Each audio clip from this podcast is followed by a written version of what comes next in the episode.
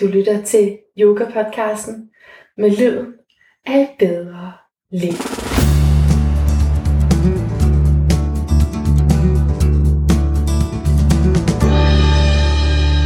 Jeg er Maria Gulager, og normalt er jeg den, der stiller spørgsmålene til andre, men som et lille sommerindslag, og fordi jeg er blevet opfordret til det af min nuværende producer, lydtekniker, etiske vejleder, kalder ham, hvad du vil. Men der er jo en, der næsten dagligt får mine forholdsvis akutte tekniske spørgsmål. Og han har altså opfordret mig til at lave en episode, hvor det bare er mig, der taler. Og det vil jeg så gøre nu. Ud fra emnet, mit yndlingsemne, visionen bag yoga-podcasten.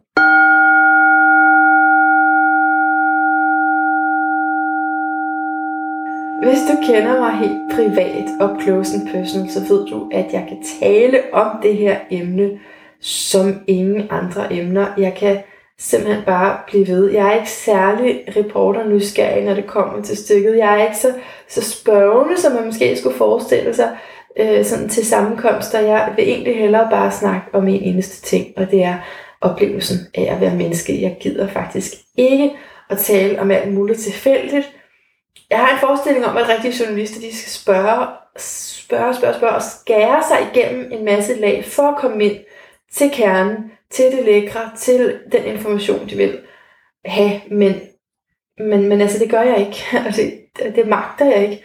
Jeg tror, jeg har gjort det meget tidligt. Jeg har været mere spørgende. Men, øhm, men jeg, jeg har udviklet, hvad vi kalder fokus. Man kan også kalde det et snæversyn på, på, på, på alt inden for selvudvikling. Simpelthen, jeg, jeg gider ikke at høre om, om, om noget, der ikke angår det længere. Du vil jo imponere mig ud over alle grænser, hvis du til en, en fest eller i social lag går op til mig og spørger, hvad vil du ønske, du kunne bidrage med i den her verden? Hvordan tror du, man finder indre fred? Hvad er din dybeste overbevisning, som du ikke er klar til at lægge fra dig? Så har vi noget at tale om. Ikke? Altså, så har vi noget at tale om. Og, og det er fordi, jeg, jeg er snæversynet. Jeg ved det godt. Det kan være alt muligt andet, man kunne interessere sig for. Men så helt subjektivt set, så er lyden af det bedre liv mit absolute yndlingsemne. Også selvom jeg ikke ved, hvordan fremtiden på yoga-podcasten ser ud. Jeg bliver tit mødt med en holdning til navnet og jeg vil også sige, at jeg valgte det forholdsvis hurtigt.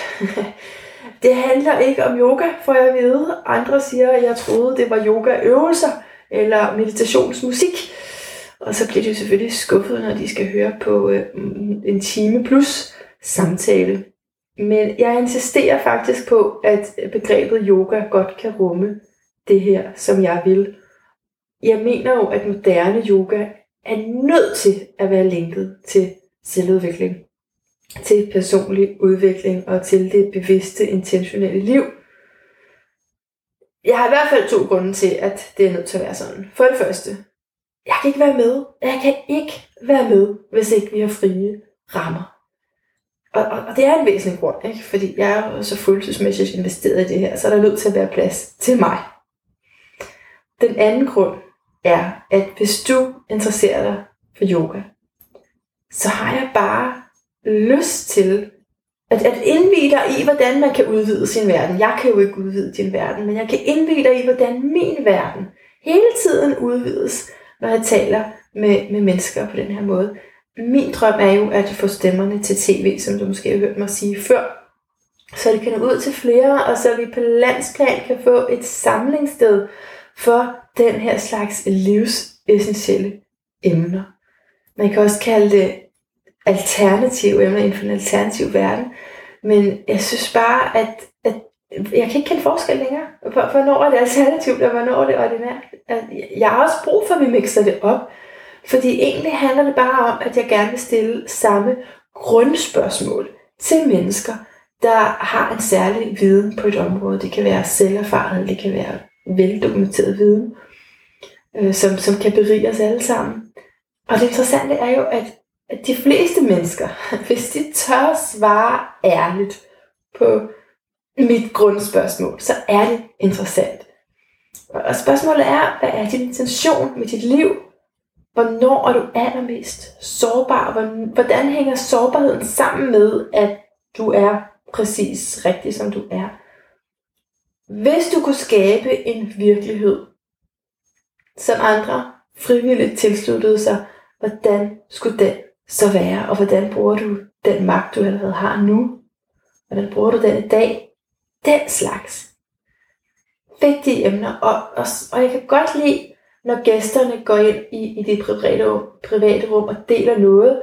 Men jeg kan egentlig endnu bedre lide, når de tager deres private rum og gør det til noget generelt. Fordi der er noget generelt.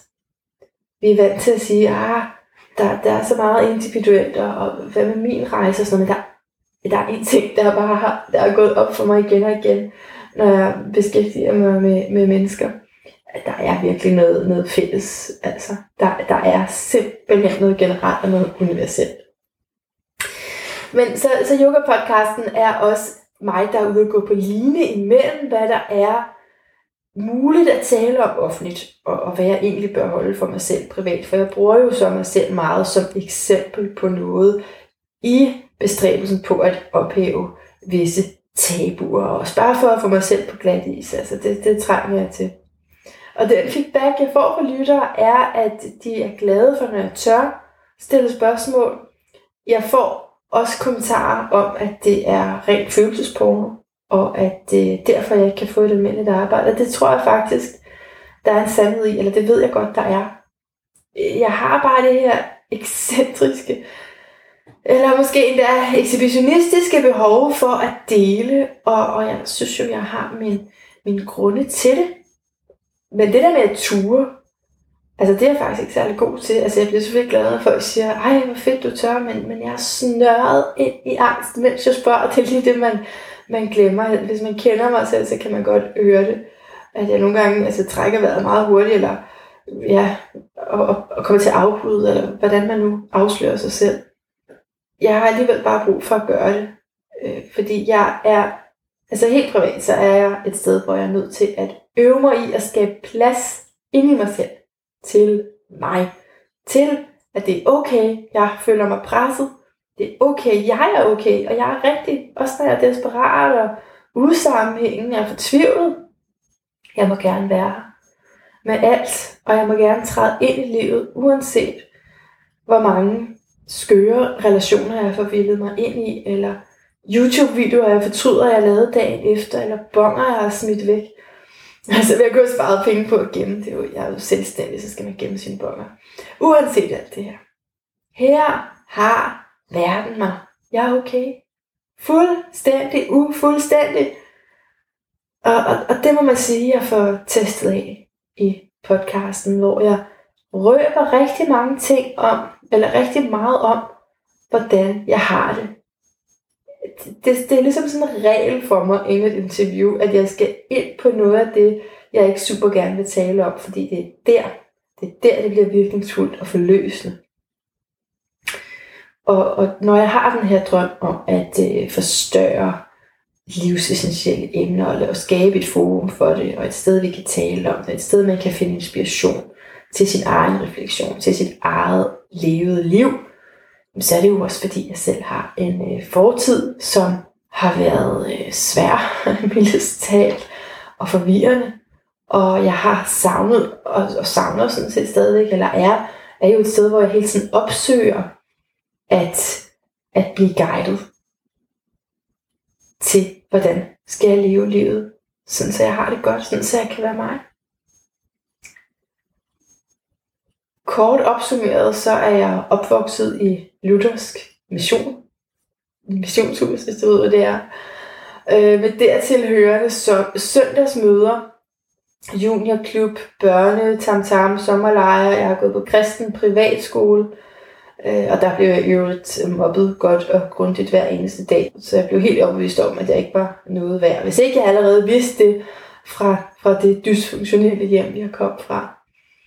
I mit hjem, i mit barndomshjem, der blev de vigtige spørgsmål fuldstændig undertrykt. Øh, jeg følte, vi troede jo, at, altså, jeg oplevede jo, at det var vigtige spørgsmål, vi talte om, for vi var meget religiøse. Og vi havde så meget øh, skik øh, sådan for eksempel det her med at sætte os til spisebordet og bede og læse i Bibelen først, før vi fik noget at spise, som i øvrigt var stegt til ugenkendelighed, og så skulle mine forældre ellers fortælle om, hvor meget de havde deres liv og glædet sig til efterlivet. Der var ikke penge nok, andre mennesker var nogle idioter, og himlen, paradis, uha, det bliver simpelthen så godt. Altså forestillingen om, at en dag, så bliver alt rigtig, rigtig godt. Hvis jeg bare tror på Jesus og gør, hvad han siger. Det købte jeg rigtig meget ind på. Så meget, at jeg som teenager prøvede at begå selvmord flere gange, for at komme i himlen hurtigt. For at den lidelse, jeg oplevede, skulle slutte. Og så blev det så sådan en forsvarsmekanisme, at når der kom noget hårdt i mit liv, så var det ligesom der, jeg tyede hen til selvmordsforsøget, fordi så kunne jeg ligesom, puha, jeg skulle bare ud. Og så blev jeg gift. Spoler det frem, så blev jeg gift. Og så fik jeg børn, så blev jeg skilt. Jeg gik ud af det religiøse fællesskab. Jeg havde nogle år derude af det, mens jeg var en uddannelse øh, til socialrådgiver, kandidat i pædagogisk filosofi. Og mens jeg også virkelig eksperimenterede med både, hvem er jeg, hvem skal jeg være venner med, og hvordan er man overhovedet venner med nogen? Hvad er sex egentlig for noget? At hude fuck er mig? Og så blev jeg faktisk også omvendt igen efter de år. Jeg gik ind i et kirkefællesskab, som jeg troede var meget friere, og hvor jeg ligesom følte, okay, det er jo det, er jo det jeg skal. Det, det vækkede sådan en genkendelighed i mig, en tryghed. Um, and the rest is history, vil jeg sige. Ikke? Fordi hvis du har hørt episoden uh, med eftertro, eller skal du gå ind og gøre det, så, så ved du allerede nogle af de her ting. Men sagen er bare, at jeg har været igennem rigtig meget smerte og lidelse. Jeg har også haft lange perioder med fysiske smerter, der gjorde mig helt... Altså jeg, kunne ikke, jeg var ude af stand til at være ude blandt andre. Øh, jeg har også været, øh, misbruger, øh, sukker junkie på den sådan ekstreme måde. Og jeg har levet helt afkoblet min krop. Det er jo tit det, folk lige forveksler ved mig, når de ser mig, eller hører, at jeg er yogalærer, så tror de bare, at det altid har været sådan. Men jeg har levet komplet afkoblet min krop, og, og jeg har prædiket øh, død og helvede, og jeg har troet, at jeg havde den eneste sandhed. Jeg har gået rundt ude i, i, i gågaderne og missioneret, mens jeg var med i en sekt, og jeg har, og jeg har givet afkald på det igen. Jeg har givet afkald på alt det, jeg troede var sandt.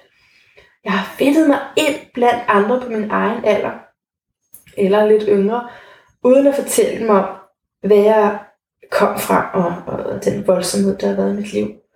Øhm, jeg har taget eksamener, og sådan set excelleret nogle gange, uden at have nogen at fejre det med, Udover en mand, jeg lige havde mødt på Tinder. Jeg har datet mænd, jeg har foragtet. Jeg har storelskede mænd, der foragtede mig. Jeg har, har levet af, af råbrød med syltede gurker. i flere uger i træk. Jeg har, jeg har boet på en vens sofa. Jeg har følt mig som mest usle af mødre. Jeg har endda givet et af mine børn til en anden familie. Jeg har været helt mest fysisk, som sagt. Jeg har været nede i det dybeste mørke, følelsesmæssigt. Jeg har været på tynd is med ret uetiske handlinger egentlig eller sådan testende handlinger i mit første ægteskab blandt andet, og også i mine senere kærlighedsrelationer. Jeg har taget vilde valg. Jeg har mistet kontakten til min familie. Jeg har solgt mit underliv. Jeg har levet så mange forskellige liv igennem 31 år, at jeg bare faldet og faldet og faldet, kan det godt føles som om, i hvert fald når man lige sidder og understreger ekstremiteterne. Og jeg tænker, der må være en grund til, at jeg er her endnu, og bliver ved med at finde noget at leve ved. For jeg har en stræben indeni, som jeg med alt, hvad jeg er, ønsker skal blive til skaberkræfter, som jeg prøver at bruge til øh, kreativ udførelse.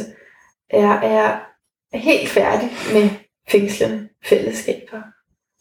Jeg er her. Jeg er her i livet for at spørge og for at dele, og for at finde alle de her farver og nuancer, og for at, at, at få fokus på tabuer, så vi, så vi kan sænke skuldrene og, og blive lidt roligere, og ikke føle os konstant presset, fordi vi skal leve op til alt muligt. Fordi det er, det er jeg i hvert fald den første, der ikke kan.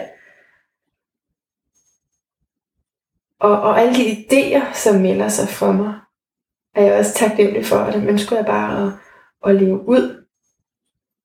Og ikke længere holde mig selv i sådan en, en position, hvor jeg føler mig skamfuld over alt det, jeg har valgt, alt det, jeg har været i, alt det, jeg har sagt engang, alt det, jeg har troet engang. Simpelthen komme tilbage og sige, okay, nu er det noget helt andet. Og jeg har brug for, jeg har brug for guidance.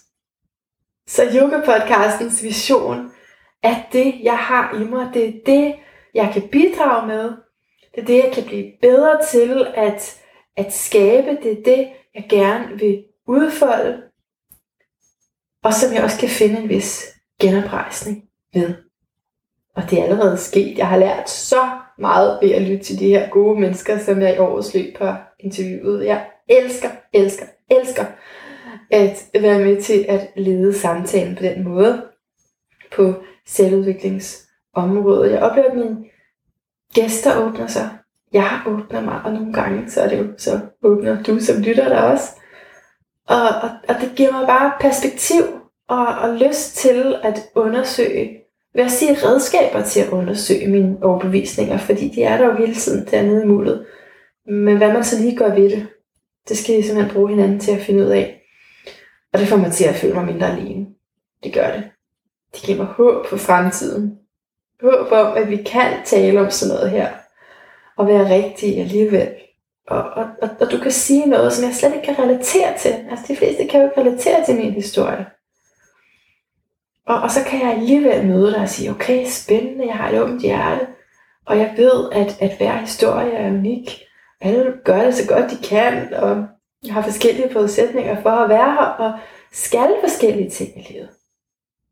Så uanset fremtidsperspektivet for yoga podcasten, så vil jeg love dig, at jeg lægger så uendelig meget energi i det her arbejde, fordi det er måske det vigtigste i mit liv, udover at være mor. Og jeg gør det jo i håbet om, at det kan bringe dig hen til samme kilde af inspiration og refleksion, som det gør for mig. Den næste episode er med Emilia von Havn om hendes seneste bog, Succes, Tyranniet. Tjek ind igen næste søndag. Yours truly, Miss Maria Gullær.